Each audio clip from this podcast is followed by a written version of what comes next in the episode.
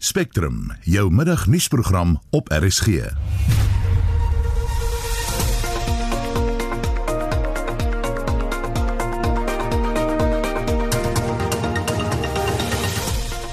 In vandag se program twee polisiebeamptes van Eldorado Park sal vandag in die hof verskyn in verband met die dood van 'n 16-jarige seun.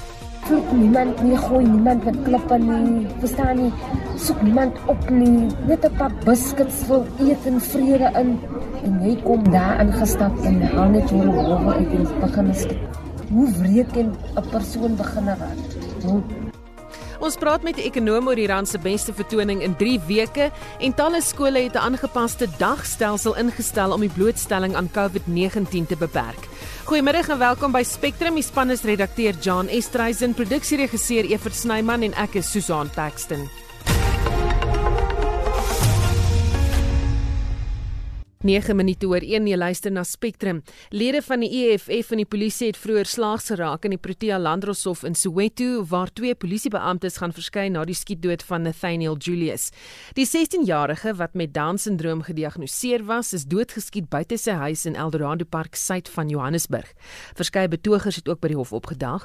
Die 16-jarige Nathaniel Julius se ma, Bridget, sê intussen hulle aandag is nou by die voorbereidings wat sy, vir sy begrafnis getref moet word. In 'n onderhoud met die SA SAIK het sy gesê sy glo dat God reg sal laat geskied in die saak teen die verdagtes.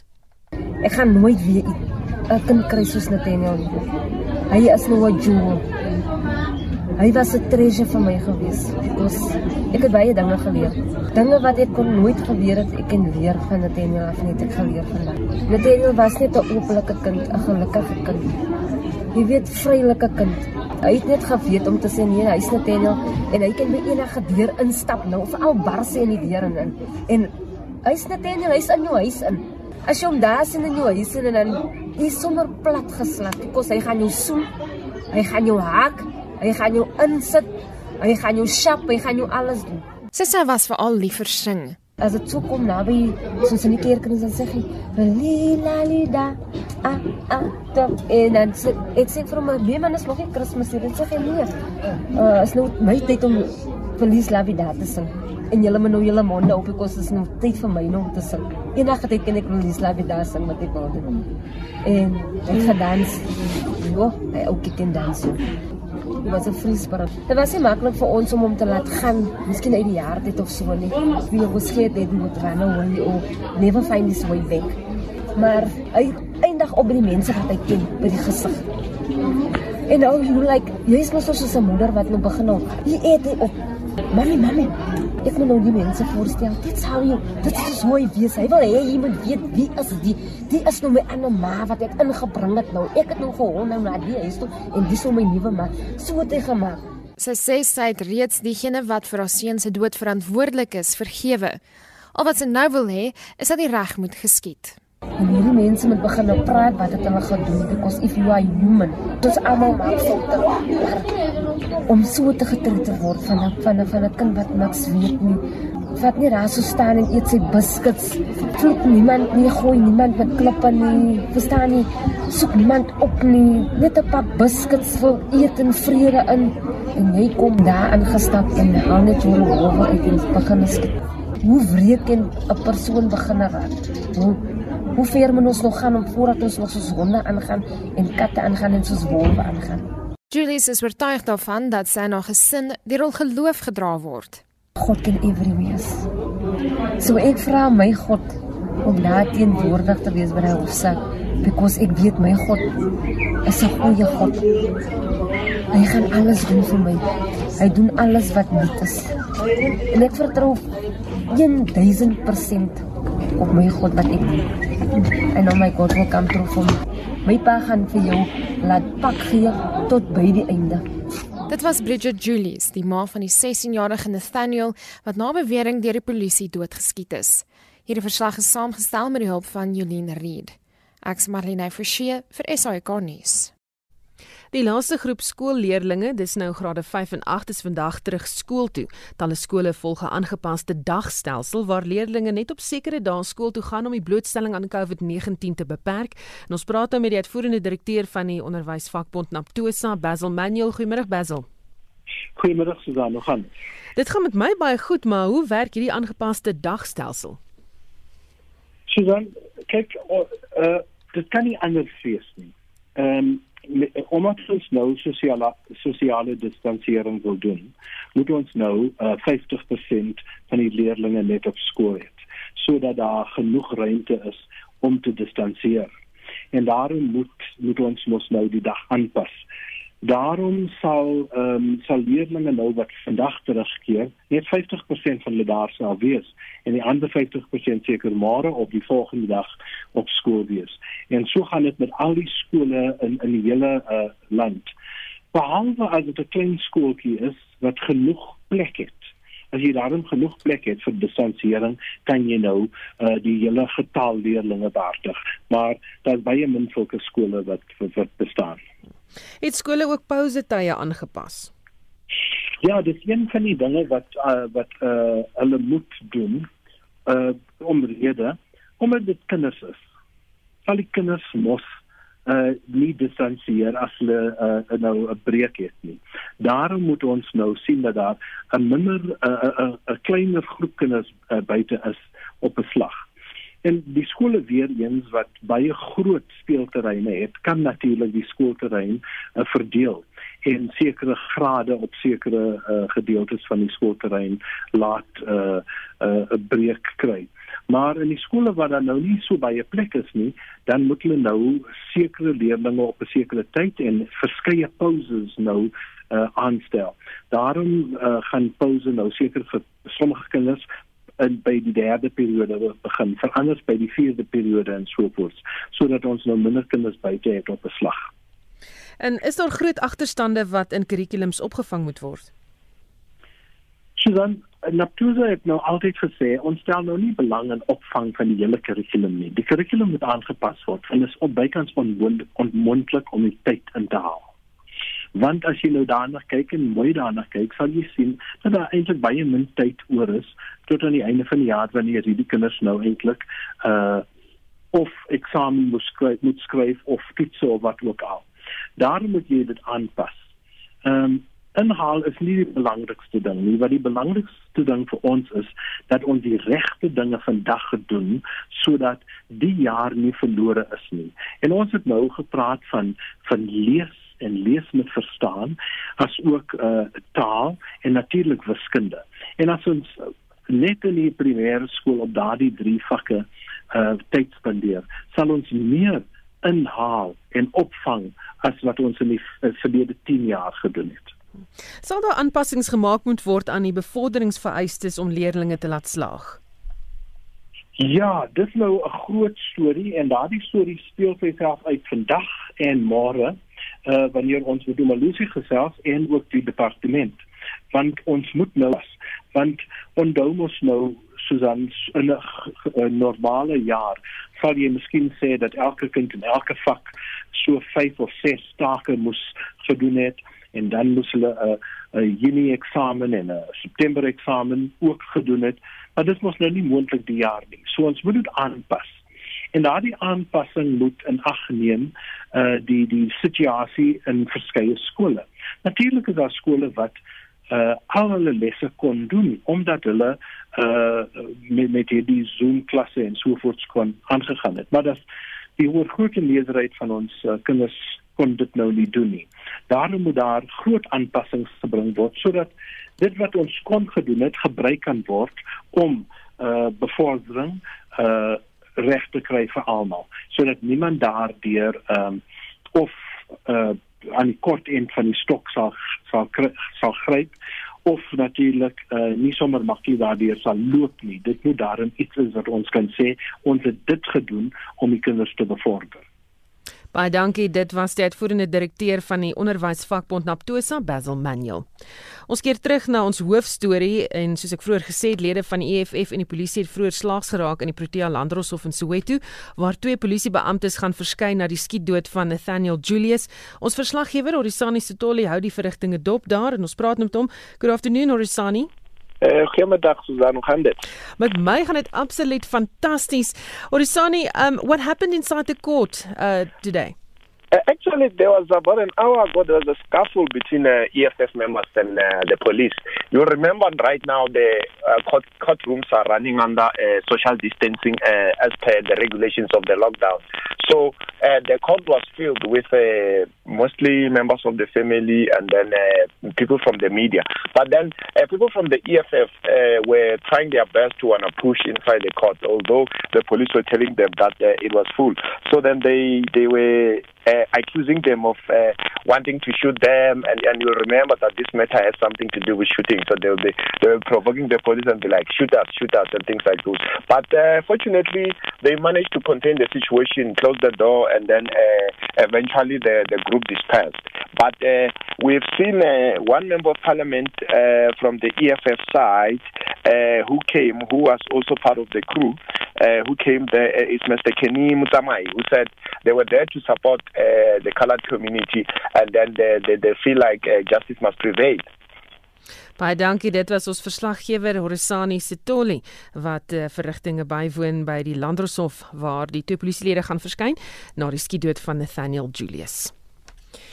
Die Comrades Marathon wenner Nick Bester is vanoggend na die harthoësorgeenheid van Eugene Maree Hospitaal in Pretoria oorgeplaas. Hy is gister deur drie verdagtes aangeraan terwyl hy op die Magaliesberg geoefen het. Esie de Klerk berig.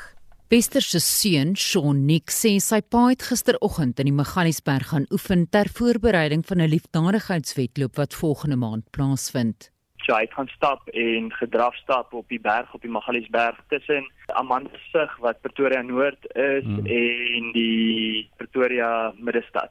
En uh, hy het sy geweer by by hom gehad, sy revolver en hy sê hy het niks gehoor van agteraf nie. Iemand het hom net van agteraf met 'n klip geslaan en toe was daar drie verdagtes wat boop hom staan en hulle slat hom met klippe, toe vat hulle sy geweer en slaan hom op die op die oog uh, dit het sy oogbank gebreek en sy wangbeen en, en hulle het hom geskop en sy drie ribbes gebreek. Die verdagtes het hom vasgebind. Bester se seun sê hy het op sy rug en bene teen 'n rotswand afgegly tot teen aan iemand se heining en die eienaar het hulp ontbied. Shaun Nick sê die verdagtes het Nick ook gedwing om sy bankkaart se pinnommer aan hulle te gee omdat hy sy bankkaarte by hom gehad het en hulle het ook sy revolver en sy foon gebyt. Bester is gister in die intensiewe sorgeenheid opgeneem, maar is vanoggend na die harthoësorgeenheid van die Eugene Maree Hospitaal in Pretoria geskuif. Wat die scan sover ontbloot het is dat sy oogbank gebreek is, sy wangbeen gebreek is en die drie ribbe is hy hy klomp velle wat af is agter sy Achilles, uh, hoe hom vasgebind het. Hy het sy hande agter sy rug vasgemaak en hulle het sy broek uitgetrek. Die aanval het op die Magaliesberg gebeur op 'n plek waar die publiek vrylik kan rondbeweeg. Ek het gister met die polisiebeamptes gepraat en hulle sê daar is al 'n paar aanvalle wat daar gebeur het, maar nie uitermate baie nie. Ons het 'n saak oopgemaak by die polisie en ons gaan maar soveel as moontlik inligting probeer kry van my pa af en hopelik kan ons hierdie ouens vastrek. Die polisie ondersoek die saak. Ek is Estie de Klerk vir SAK nuus. Die rand het Vrydag met 'n hele rand verstewig. Dis die beste vertoning van die rand in 3 weke en ons praat nou met Dr. Chris Harmse van CH Economics. Goeiemôre Chris. Môre Susan. Waar trek, waar trek die rand nou? Susan het hier effens begin uh verswak, maar hy verhandel nog steeds op R16.70 teenoor inderdaad soos jy gesê het, hy was 3 weke gelede uh jy weet hierdie rand nog verhandel teen R17.57. Jy weet so as dit nou vat as jy dit nou sou vat um oor die laaste 3 weke en die laaste maand vanaf 31 Julie dan beteken dit die rand het nie met 'n amper 'n volle jy weet 100 sent um verstewig en uh uh vanaf sy vlak hier by die van die 7de Augustus waar op R17.65 verhandel het. So in uh die laaste 3 weke dus met meer as 100 sent op uh effens teruggesak vandag, uh, maar ek dink dit is 'n bietjie winsneming en uh, dit lyk vir my asof die dollar het ook bietjie effens uh sterker begin beweeg nadat hy verlede donderdag en vrydag baie afgekoop is en dit is een van die redes. Ja, ek wou net vra hoekom het die rand so verstewig? Daar is 'n paar dinge wat gebeur uh op die oomblik uh in die ekonomie oor die laaste maand wat uh wat bydra daartoe. Een is die bekommernis dat die Amerikaanse uh aandelemark te sterk uh en dat ehm um, die dollar uh, eventueel gaan begin uh, verswak soos wat hier van die aandele verkoop gaan word. Dan het Jeremy Powell, uh, die president se Federale Reserve voorsitter ook met die opening van die sogenaamde Jackson Hole simposium wat elke jaar in Jackson plaasvind in die FSA waar al die federale reserve uh, voorsitter bymekaar kom aangekondig dat die Federale Reserve Raad in die FSA gaan die uh, rentekoerse nog vir baie lank laag hou en die ekonomie stimuleer. Met ander woorde, onthou as jou rentekoerse laag is, is die res van die wêreld dalk swak jou geldeenheid. En dan natuurlik het ons ook oor die laaste maand gesien dat al veral die kommoditeitspryse uh goud en platinum uh, baie sterk begin styg het. Uh goud het byvoorbeeld oor die laaste 10 dae weer met 'n verdere 26 dollar uh gestyg vandag alleen met 'n 12 dollar uh en 18 na 1966 en ons sien ook dat platinum se dag met 11 sent hoër uh op 1.9 van 'n persent en dit en dit help die rand dat die dat die rand uh ewen uh, neig om om sterker te beweeg uh as swakker. Ons het ook gesien teenoor die pond uh dat ons van vlakke van rondom 23 dollar uh, nog 'n ruk gelede uh weet uh, begin stelselmatig uh verstewig het uh, na 'n uh, vlakke van uh R22.28. Ons was 3 weke gelede uh, nog op R23.01. En dis alreeds in die euro uh, waar ons nou onder die uh, 20 dollar verhandel. So daar's 'n paar faktore. Ek dink die feit dat Suid-Afrika se handelssyfers vandag uitgekom het, wat wys dat ons heelwat meer uitvoer as wat ons invoer, behoort oor tyd weer die rand te ondersteun. Brandstofpryse moet binnekort aangekondig word, sal dit 'n invloed hê? Ek ek dink dit gaan 'n groot invloed hê op die Oktoberprys. Ek dink nie op die Septemberprys nie, ons wag nog. Uh, ek ek dink die Septemberprys gaan uh, gebaseer word op die feit op die ehm um, vaststellings soos wat dit 'n uh, donderdag uh donderdag donderdagmiddag was. Dit is Vrydagmiddag was uh die uh, uh op die 28ste en daar beteken dit ons gaan nog so 5 sent vir petrol uh, minder betaal 95 en vir diesel so 20 sent. Uh, dit het definitief in die laaste week van verlede week uh, by hier begin lewer want die gemiddelde uh, rand waarop uh, bereken was was die net oor die 17 rand teenoor die dollar. Ons staan vanmiddag al klaar op 16 rand en 70 uh, terwyl die olieprys nie noodwendig baie sterk uh, beweeg op of af nie. Hy's in 'n baie nou band wat hy verhandel en sien uh, dat uh, olie is vanmiddag nog steeds onder die 46 dollar of 45 dollar 89. Dit moet op meer die gemiddeld van verlede jaar, vir akties van verlede maand So ek voorsien dat as die rand sy sterker vlakke gaan hou, ons in die begin van September 'n baie weer 'n baie sterk verlaging gaan kry. Maar ten minste nou 'n 19 sent in diesel en 'n 5 sent in petrol uh 95 weet sal al klaar help. Baie dankie, dit was Dr. Chris Harmse, ekonom van CH Economics. 47 mense is die afgelope 24 uur aan COVID-19 dood. Dis volgens die departement van gesondheid se jongste statistiek wat bekend gemaak is. Meer as 14000 mense is in Suid-Afrika dood aan die virus. 2505 nuwe COVID-19 gevalle is aangemeld in die afgelope 24 uur en die herstelkoers bly tans op 86%. Kenners waarsku egter ook dat mense nie nou moet slaap lê wanneer dit kom by hulle eie gesondheid en veiligheid nie. Ons praat met 'n infeksiebeheer spesialist Dr. Kloete van Vieren, hoof interne genees geneeskunde by 3 militêre hospitaal in Bloemfontein, dokter van Vier en Geo klas by die Universiteit van die Vrystaatse Mediese Fakulteit. Goeiemiddag Kloete. Hallo Susan. Daar was baie minder mense siek as wat aanvanklik voorspel is. Hoekom is dit dink jy? Wel, ja, nee, kyk ons sien 'n duidelike afname, né, maar die die ding is as jy kyk na die modelle, dan maak jy geweldige klomp aannames en jy baseer jou aannames op wat jy weet. En Ek dink daar was jy weet dis 'n nuwe siekte. Dit was nie bekend hoe aansteeklik dit is nie. Hoe gaan mense hulle gedra nie? Ehm um, party mense is meer aan steek makliker aan, party word makliker siek, party steek meer ander aan, party minder. Dit is 'n geweldige klomp onsekerhede wat hulle in hierdie model ingebou het. En toe hulle voorspellings daarop gegrond het. En soos die ding aangegaan het, dit dit was baie duidelik dat dit nie so erg gaan wees nie. Ek dink verlede Woensdag het ons so in op in die omgewing van 600 000 gevalle in Suid-Afrika gestaan en volgens die modelle sou ons daai selfde tyd op oor 'n miljoen moes gewees het as dit sou reg is. So, nee, ek dink verseker ons het minder as wat hulle gedink het dit sou wees en daar is 'n beduidende afname in nuwe gevalle op die oomblik. Hmm. Hoe vergelyk jy verskillende provinsies wat die verspreiding van COVID-19 betref? Ja, ek weet jy sê ek dink ons het al baie keer gesê is jy kan nie hierdie as een uitbraak in Suid-Afrika beskou. Jy weet jy het een in in Kaapstad, jy het een in George, jy het een in Gauteng, jy het een in Polokwane en in al hierdie goed gooi hulle bymekaar en trek dan een grafiek vir die land. Jy weet as jy kyk ehm um, op die oomblik as jy na aktiewe gevalle kyk, het die Vrystaat by verre die meeste per 100 000 van die bevolking van enige provinsie. Maar dit is 'n baie klein provinsie met 'n bevolking van wat 2.6 miljoen teenoor Gauteng met 15 miljoen. Jy weet so dit registreer nie eintlik op die regte skaal nie, maar dit lyk selfs in die Vrystaat of dinge bietjie begin afkom terwyl Gauteng, KwaZulu-Natal en Weskaap die, die provinsies met die groot getalle het 'n dramatiese afname.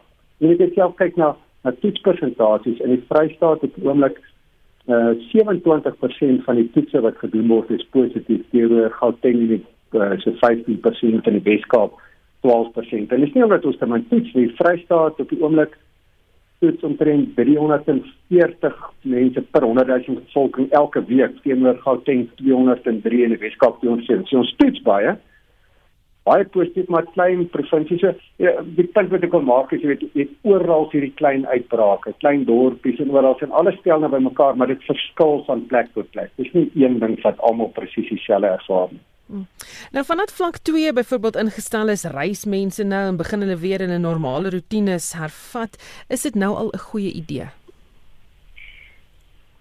Ja, kyk, ek dink die, die dilemma waarmee ons sit is uh, wat jy die spreekwoord te boog kan nie altyd gespan bly jy weet uh, ons sit nou al van voor maart af maar wat ons sê wees versigtig pas op moenie dit nie moenie dat nie en ek dink mense begin self moeg raak daarvoor om besluit man uh, kom ons stop dit nou en tweede ding is almal beoordeel nie hulle risiko dieselfde en ons weet mense se gedrag is ook ehm um, al wat voorspelbaar vir menslike gedrag is is dat dit onvoorspelbaar is Uh, en party mense steur hulle eenvoudig nie aan hierdie goed nie. So ek dink ehm um, ons moet aanvaar dat dit so gaan wees. Ons moet aanvaar dat mense gaan rond begin beweeg en uh gaan begin kuier, jy weet ek het ehm um, uh gepraat met iemand by die naweek in Clarence waar hulle sê jy kan nie naby die rooi parkeerplek kry nie, daar's 'n sitplek iewers in 'n restaurant. Ehm um, mense begin uitbeweeg. En ek dink wat ons eerder moet sê is as ek hoë risiko is of ek bly saam met iemand in huis met hoë risiko, dan beskerm ek myself. En ek weet die ander ouens gaan dit nou nie doen nie, maar dit mag wees omdat hulle hulle self as lae risiko beskou en dalk lae risiko is. Ehm um, en dan gaan almal se gedrag nie dieselfde wees nie. So ek dink ons moet maar uh elke ou sy eie goed beoordeel en verantwoordelikheid neem. Wat sien ons gebeur met die tweede vlaag van infeksies in ander lande? Jy weet jy van ek dink mense het in hierdie kop in jou kop hierdie idee van as daar tweede vlaag kom, is dit almal wat nou siek geword het word nou weer siek. Maar dit is mos nou nie so nie. Dit is dis 'n dis die wat nie voorheen siek geword het nie. Ehm um, en ek dink daar's baie mooi voorbeelde. Ek het toevallig die naweek sien ek in Spanje se tweede vlaag. Jy nou dan met die eerste vlaag wat dit hoofsaaklik in ouer huise wat hulle hierdie uitbraak gehad het. Met hierdie massiewe sterfte koers wat hulle in daai tyd die meeste in die wêreld gehad het. Nou het hulle tweede uitbraak tweede golf. Maar dit is onder die jong mense. En nou kan jy sien dat die jong mense in die vorige ronde geaffekteer het. Of jy kan sê die ouer mense het gesien wat gebeur het hulle die siekte kry en hulle beskerm hulle nou self. Maar hoe dit ook al sê is kort na die eerste golf het ons die sterftes dramaties sien toeneem. En op oomblik op die oomblik met die tweede golf is daar amper geen nuwe sterftes in Spanje. Ehm um, dit is amper weglaatbaar klein. Ehm um, net om te wys jy dit is 'n totale ander populasie en ek dink dit moet ons ook besef van gebeur. Dit dit, dit gaan weer verbykom. Uh, die ander dit gehad het gaan dit nie weer kry nie en mense wat hulle self as hoë risiko beskou gaan hulle gedrag verander en hulle self beskerm en weer gaan 'n heeltemal 'n ander dinamika sien in die ding. Baie dankie. Dit was 'n infeksiebeheer spesialist Dr. Kloete van Vuren, hoof interne geneeskunde by Drie Militêre Hospitaal in Bloemfontein. Dr. van Vuren gee klas by die Universiteit van die Vrystaatse Mediese Fakulteit. Jy luister na Spectrum elke weekmiddag tussen 1 en 2. In die program EFF-lede in die polisie raak slaags by 'n hof in Soweto. Skole het 'n aangepaste dagstelsel ingestel om die blootstelling aan COVID-19 te beperk. Omdat ons nou sosiale distansiering wil doen, moet ons nou uh, 50% van die leerders net op skool hê, sodat daar genoeg ruimte is om te distansieer. En daarom moet moet ons mos nou die dag aanpas. Daarom sal leerders nou wat vandag terugkeer, net 50% van hulle daar sal wees en die ander 50% seker môre op die volgende dag op skool wees. Oudminister Nomvula Makonyane se persoonlike assistent getuig by die kommissie van ondersoek na staatskaping en die ANC gaan later vanmiddag 'n media-konferensie hou oor sy afgelope UNIKA vergadering. Bly ingeskakel. Daar is geen verkeer. In Gauteng, Johannesburg staan 'n voertuig op die N1 suid net vir die Bekloo wisselaar, een baan is toe daar. Daar was ook 'n botsing op die N3 noord net na die Van Bierenweg afrit, twee bane is toe daar. In KwaZulu-Natal staan 'n voertuig op die N3 wes net na die Ashburton wisselaar in die linkerbaan en in die Weskaap Kaapstad staan 'n voertuig op die N2 stad in op Hospitaal draai en dit is jou verkeersnuus. Ons goeie draai op die sportveld met Shaun Jooste. Ons begin met fietsrennies. Vandag se derde skof van die Tour de France vind van Nice tot Sisteron plaas en is 198 km lank. Die plaaslike Julien Alaphilippe dra die voorloper se geeltrui met die Brit Adam Yates tweede en Mark Hirschi van Switserland derde. Tennis. Die Amerikaanse Ope slaan vandag in New York agter geslote deure af. Die Ope word oor 2 weke gespeel en eindig op 13 September. Die 2019 enkelspelkampioene, Rafael Nadal van Spanje en Bianca Andreescu van Kanada, het besluit om die major uit te sit. Dit beteken dat nuwe kampioene gekroon sal word. Novak Djokovic van Servië en die Tsjeeg Karolina Pliskova is die topgekeerde mans- en vrouespelers. Die Suid-Afrikaners Kevin Anderson en Lloyd Harris het moeilike eerste ronde kragmetings wat vanaand voorlê. Anderson kom teen die Duitser Alexander Zverev en Harris teen die Italiaaner Marco Cecchinato te staan. En laastens in rugbynuus. Volgens berigte in die media kan vanjaar se Curriebeeker kompetisie moontlik gebruik word om te bepaal watter Suid-Afrikaanse spanne nie is die Bulls, Lions, Sharks en Stormers die gunstelinge, alhoewel die Cheetahs bereid is om Saru hof toe te vat oor hulle deelname aan die Europese kompetisie. Dit was Shaun Jooste van RSG Sport. Presies 13:37 jy luister na Spectrum. Die Sonderkommissie na staatskaping het vanoggend getuienis aangehoor van Sandy Thomas, die persoonlike assistent van die voormalige minister van omgewingsake, Nomvula Mokonyane. Thomas se getuienis hou verband met die verhouding tussen Bosasa en Mokonyane. En ons praat nou met ons politieke verslaggewer wat verslag doen oor die verrigtinge in Tebo Mkobo. Good afternoon Tebo. Susan, goeiemiddag. Why did Thomas not testify at the commission last week? Was she asked about this?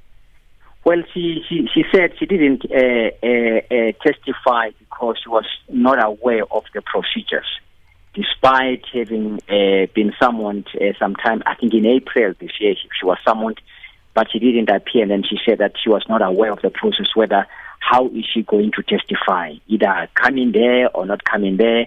But uh, she, she, she ultimately uh, uh, came before the commission and she had since apologized. Remember, she came and uh, when she came, she was ordered to come in the afternoon.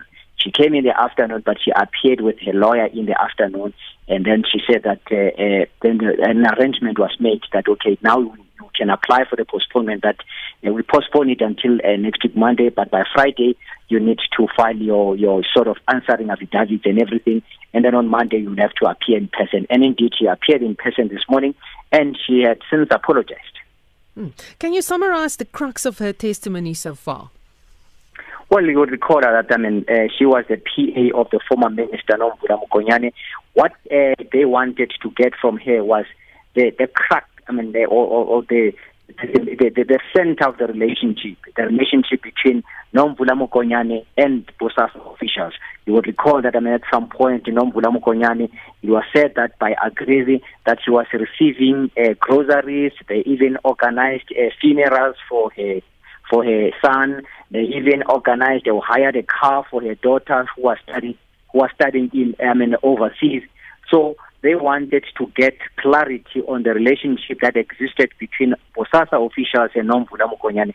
And uh, Thomas, I mean, elaborated on that relationship. He even said that, I mean, at some point, uh, Bosasa uh, CEO Gavin Watson would call her and ask her about what kind of a present she would buy for, I mean, he would buy for, for the former minister, for instance, in terms of flowers, in terms of uh, uh, uh, uh, perfumes, and uh, so, so the, the, the, really the commission wanted to get that uh, relationship between the two parties And of course, and the, she was even questioned whether uh, uh, there was this arrangement of funerals by Bosasa officials and uh, the hiring of cars, but that one she had since disputed. She said it didn't fall under her ambit. Baie dankie, dit was ons politieke verslaggewer Ntebo Mkobo. Twee polisielede en 'n lid van die burgerlike samelewing verskyn vandag voor die hof vir gespesialiseerde kommersiële misdaad op aanklagte van bedrog, diefstal en geldwasery. Die misdade wat hier ter sprake is, hou verband met die werkloosheidsversekeringsfonds en ons verslaggewer Lila Magnus sluit nou by ons aan met meer besonderhede. Goeiemôre Lila. Goeiemôre Susan. Kortliks skets net weer vir ons die agtergrond tot die saak. Wel, dit is twee polisie manne en soos jy gesê het, 'n lid van die burgerlike samelewing wat in hegtenis geneem is op aanklagte van bedrog, diefstal en geldwasery omdat hulle glo die werkloosheidsversekering se COVID-19 fonds met sowat 700 000 rand bedrieg het. Ehm um, die staat beweer hierdie geld was eintlik veronderstel om na 'n maatskappy toe te gaan wat aansoek gedoen het vir vir ehm um, hulpverligting vir 150 van sy lede maar op 'n manier het die geld toe nou in een van die polisielede se rekening beland en uh, hy hy het die geld toe nou in sy medebeskuldigde se rekeninge inbetaal en in 'n paar stokvelle in. Nou die groep is elk op R3000 borgtog vrygelaat. Hulle prokureur Sibusiso Dlamini het gesê die staat het nie borgtog teengestaan nie omdat die man van die begin af saamgewerk het. Um hulle het al die besonderhede wat die polisie wou gehad het in terme van hulle banke hulle bankkaarte, hulle kodes, geheime kodes en al daai goed en hulle telefone het hulle vir die polisie gegee. En ehm um, daarom sien die staat hulle nie as 'n vlugrisiko nie en hulle moet elke een keer 'n week um, by 'n polisiestasie in Durban aanmeld. Maar die interessante ding is ek het toe met die Valke se woordvoerder Claudie ehm um, ehm um, ag ehm um, begedele Malou het sê gepraat en hy sê vir my dit is Daar is al 14 mense in hegtenis geneem vir soortgelyke aanklagte wat dieselfde tipe goed gebeur het. Een van hulle is 'n 62-jarige pensionaris van Amanskraal wat klink dit vir my eenoggend wakker geword het, daar 4.7 miljoen rand in sy bankrekening. En hy het die geld glo nie aangemeld nie en hy het al 100 000 rand daarvan spandeer, maar hy is ook staan ook nou reg op aanklagte van diefstal en bedrog en geldwasery. Ehm um, ek het vir brigadier Malotsi gevra nou, weet waar waar kom die probleem in? Is dit 'n syndikaat? Weet hoe werk hierdie storie? Dis sê hulle hulle ondersoek nie tans die moontlikheid dat dit 'n syndikaat is wat werksaam is nie. Maar hy het mense gevra, weet as jy wakker word en daar's 'n groot bedrag geld in jou rekening wat jy weet nie joune is nie, moet jy dit aanmeld. Jy kan dit nie net spandeer nie. En hulle ondersoek die moontlikheid dat iemand by die werkloosheidsversekeringsfonds dalk agter hierdie hele storie sit. Baie dankie. Dit was ons verslaggewer Lila Magnus wat oor die saak berig het. Ek wonder hoeveel mense gaan regtig dit aanmeld of gaan hulle dit spandeer.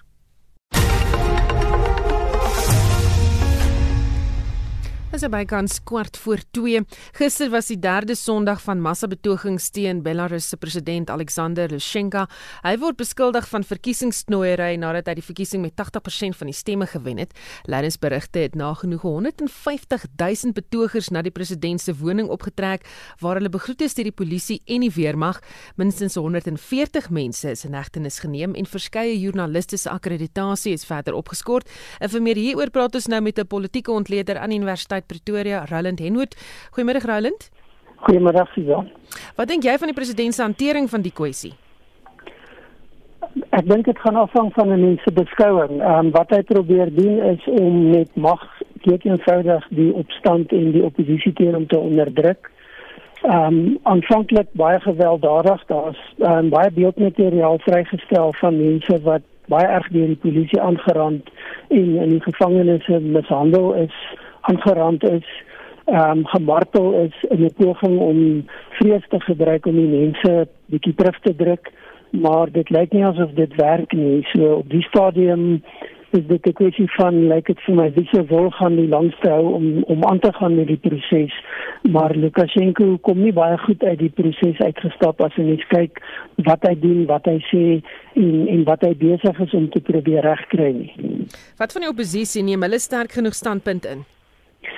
Ja, baie belangrik van die oppositie is dat hulle baie sterk standpunt inneem, maar baie gedissiplineerd. Daar's geen geweld nie. Al die optogte wat so ver gehou is, is baie vreedsaam geweest.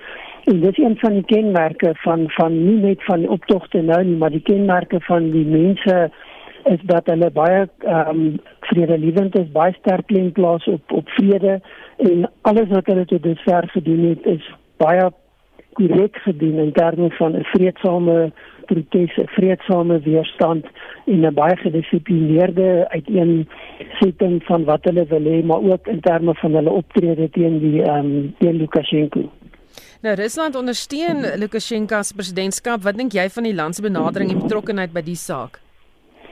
Ja, mens moet daar gaan kyk na die geskiedenis. Daar's 'n baie noue geskiedenis tussen Rusland en en die Belarusse in die sin dat daar ehm um, die amptelike taal byvoorbeeld was vir baie lank net Russies gewees.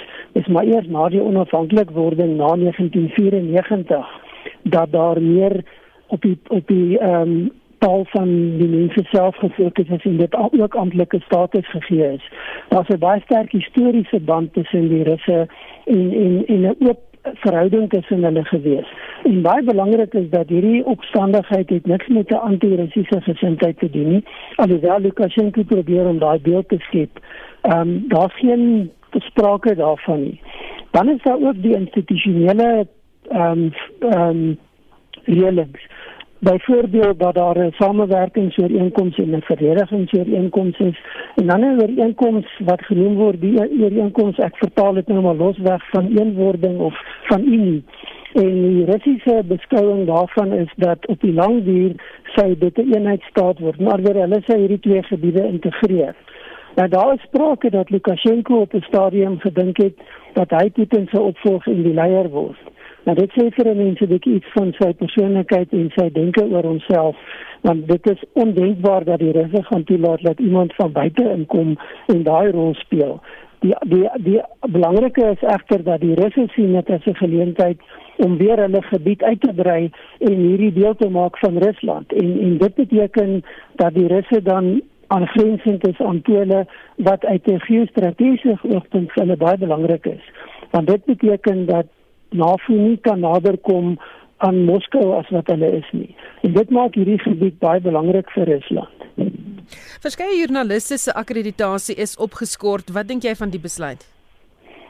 Dit is maar deel van die maatreëls wat waarskynlik in samewerking met Moskou ontwikkel word om te probeer klem om te probeer verhoed dat daar soveel publisiteit is dat die publisiteit te wyd versprei word en nie net wenig publisiteit na buite nie maar die publisiteit na binne.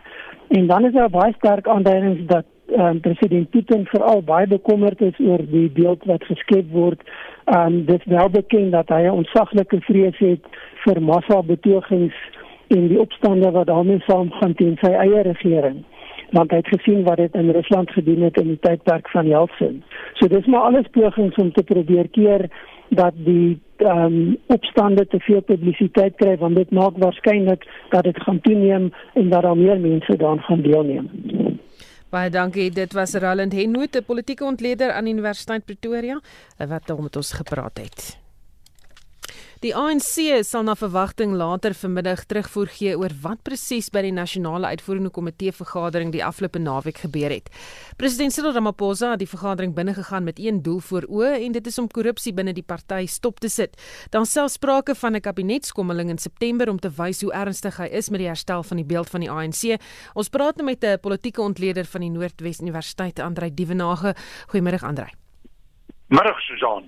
Wat is jou gevoel oor die NK vergadering die afgelope naweek? Wel, uh, Susan, die eerste plek weet ons dat dit een van die moeilikste NK vergaderings was. Die uitkoms daarvan was moeilik voorspelbaar en ek dink ons sal nou na uh 4 uur vanmiddag 'n groter duidelikheid hê, maar dit wil tog voorkom asof meneer Ramaphosa ten minste takties gesproke goed uit daardie geveg uitgekom het. Daar loop selfs gerugte dat die sekretaris-generaal uh dalk uh onthef kan word van sy verpligtinge en daar is al name genoem van persone wat sou kon oorneem in die verband. Op hierdie stadium is dit bloot gerugte. Natuurlik word daar ook gesê dat beide meneer Ramaphosa en meneer Magashule voor die integriteitskommissie van die ANC sal moet verskyn. Nou ek haal 'n paar perspektiewe hier. Die eerste is dat hier nou kaalvuis beklei word en dat hierdie geveg in die oop kom. Dis vir my baie duidelik dat meneer Ramaphosa ernstig voel oor korrupsie, maar daar bly vra oor sy vermoë en sy magsbasis om dit doeltreffend uit te voer. En dis ook vir my duidelik dat die Ismagashule lees dit Zuma kampomgewing, hulle praat van hulle self as die RET groep, Radical Economic Transformation, beslis nie gaan lê nie en dat hier 'n moeilike, groot en bepalende geveg vir die ANC op hande is. En dit moet mense weer teruglees en dit is eintlik jammer as mense dit sê in 'n konteks waar Suid-Afrika staatkundig, polities, ekonomies leiding nodig het terwyl ons eintlik vasval in ANC konflikte en verdeeldheid. Wat dink jy gaan ons alles hoor vanmiddag en wie gaan dit uh, aankondig? Wel, uh, die, uh, dit sal baie interessant wees om te sien wie dit aankondig. Normaalweg is dit die sekretaris-generaal, dit wil sê Ismagashule, maar indien dit meneer Ramaphosa self is, sal dit vir my 'n aanduiding wees dat hy in beheer van die situasie is, dat hy eintlik die opperhand het in die gesprek. Uh die ander opsie is natuurlik dat beide van hulle dit kan hanteer. Dit sal vir my 'n aanduiding wees dat die geveg eintlik by 'n tipe van 'n skietstilstand is, dat daar nie een party is wat absoluut oorheers nie en dat niemand nog volledige beheer op die proses het nie. En wat eintlik maar vir ons sê dat die geveg nog in in, in een ronde is en dat daar verdere rondes kan kan kan voorkom. Ek wil wel lees dat ek dink meneer uh, Ramaphosa is op die voorvoet. Ek het ook die gerug gehoor van 'n kabinetskommeling en dit dit sal interessant wees om te sien wat indien wel gebeur met meneer Tito Mboweni. Ek weet hy's in die versuur van die RET groep word hy behou sal dit vir my 'n aanduiding wees van die magsbasis van meneer Ramaphosa. Ek wou nou ook vir gevra daar was die wat van mening is dat die president nie die stryd gaan wen nie en dalk sal wegbreek van die ANC af 'n eie party stig, 'n nuwe party. Wat dink jy? Wel, uh, ek dink dis uiteraard 'n moontlikheid en uh, dis definitief 'n scenario op tafel. En nou is ons terug by my argument van 3 maande terug. Uh, hier is definitief planne om van meneer Ramaphosa ontslae te raak. Ek het byvoorbeeld 'n tweet van Duduzani Zuma, Jacob se seun, gesien waar hy sê ons staan by die einde van meneer Ramaphosa, dit is net 'n kwessie van tyd. So daar word beplanning gedoen. Dit is vir my baie duidelik dat die Ysmagashule kamp is baie gevaarlik in hierdie verband. Hulle is besig om steun te mobiliseer en ek dink glad nie dat meneer Ramaphosa buite alle gevaar is nie. En dan moet jy natuurlik onthou dis een lyn om dit te lees binne die ANC ons moet dit ook groter staatkundig hanteer. Kom ons maak net een klein sommetjie en dis 'n finansiële een. Die land hardloop 50 miljard in die rooi in plus minus per maand. So hier's 'n reuse finansiële krisis wat bestuur moet word. Hier moet reekse van ongewilde besluite geneem word en dit is teë daardie tipe goed wat polities teen meneer Ramaphosa gebruik kan word. So ek wil duidelik sê dat ek lees sy posisie nie as buitegevaar nie, maar die spel is nog aan die gang en hier is op hierdie stadium geen finale wenner of geen kamp wat werklik kan sê hulle het die boot toe nie maar ek dink ons gaan 'n beter indikasie hê na 4 uur vanmiddag Baie dankie dit was professor Andrei Dievenage politieke ontleder van die Noordwes Universiteit Die sangeres Lady Gaga het nie minder nie as 5 toekenninge ontvang by gisteraand se MTV video musiektoekennings. Sy is bekroon as kunstenaar van die jaar en as boonop die eerste ontvanger van die Tricon toekenning vir haar bydrae tot musiek, mode en aktivisme. Die liedjie Rain on Me het haar aan haar en Ariana Grande die volgende toekennings besorg: Beste liedjie van die jaar, Beste samewerking van die jaar en Beste filmkuns in 'n musiekvideo. Onthou Spectrum Monitor naweek aktueel kommentaar en finansiële fokus is beskikbaar op Potgooi gaan net na die RSG se webblad www.rsg.co.za. Jy kan ons ook volg op Twitter by Monspek1 of op facebook.com vorentoeskynstreep ZARSG. Ons groet namens ons waarnemende uitvoerende regisseur Wessel Pretorius, die redakteur vandag Jan Estreisen en produksieregisseur Evert Snyman. Ons medewerkers was Essie de Klerk en Marlenae Forsie. Ek is Susan Paxton. Geniet jou middag in die geselskap van RSG.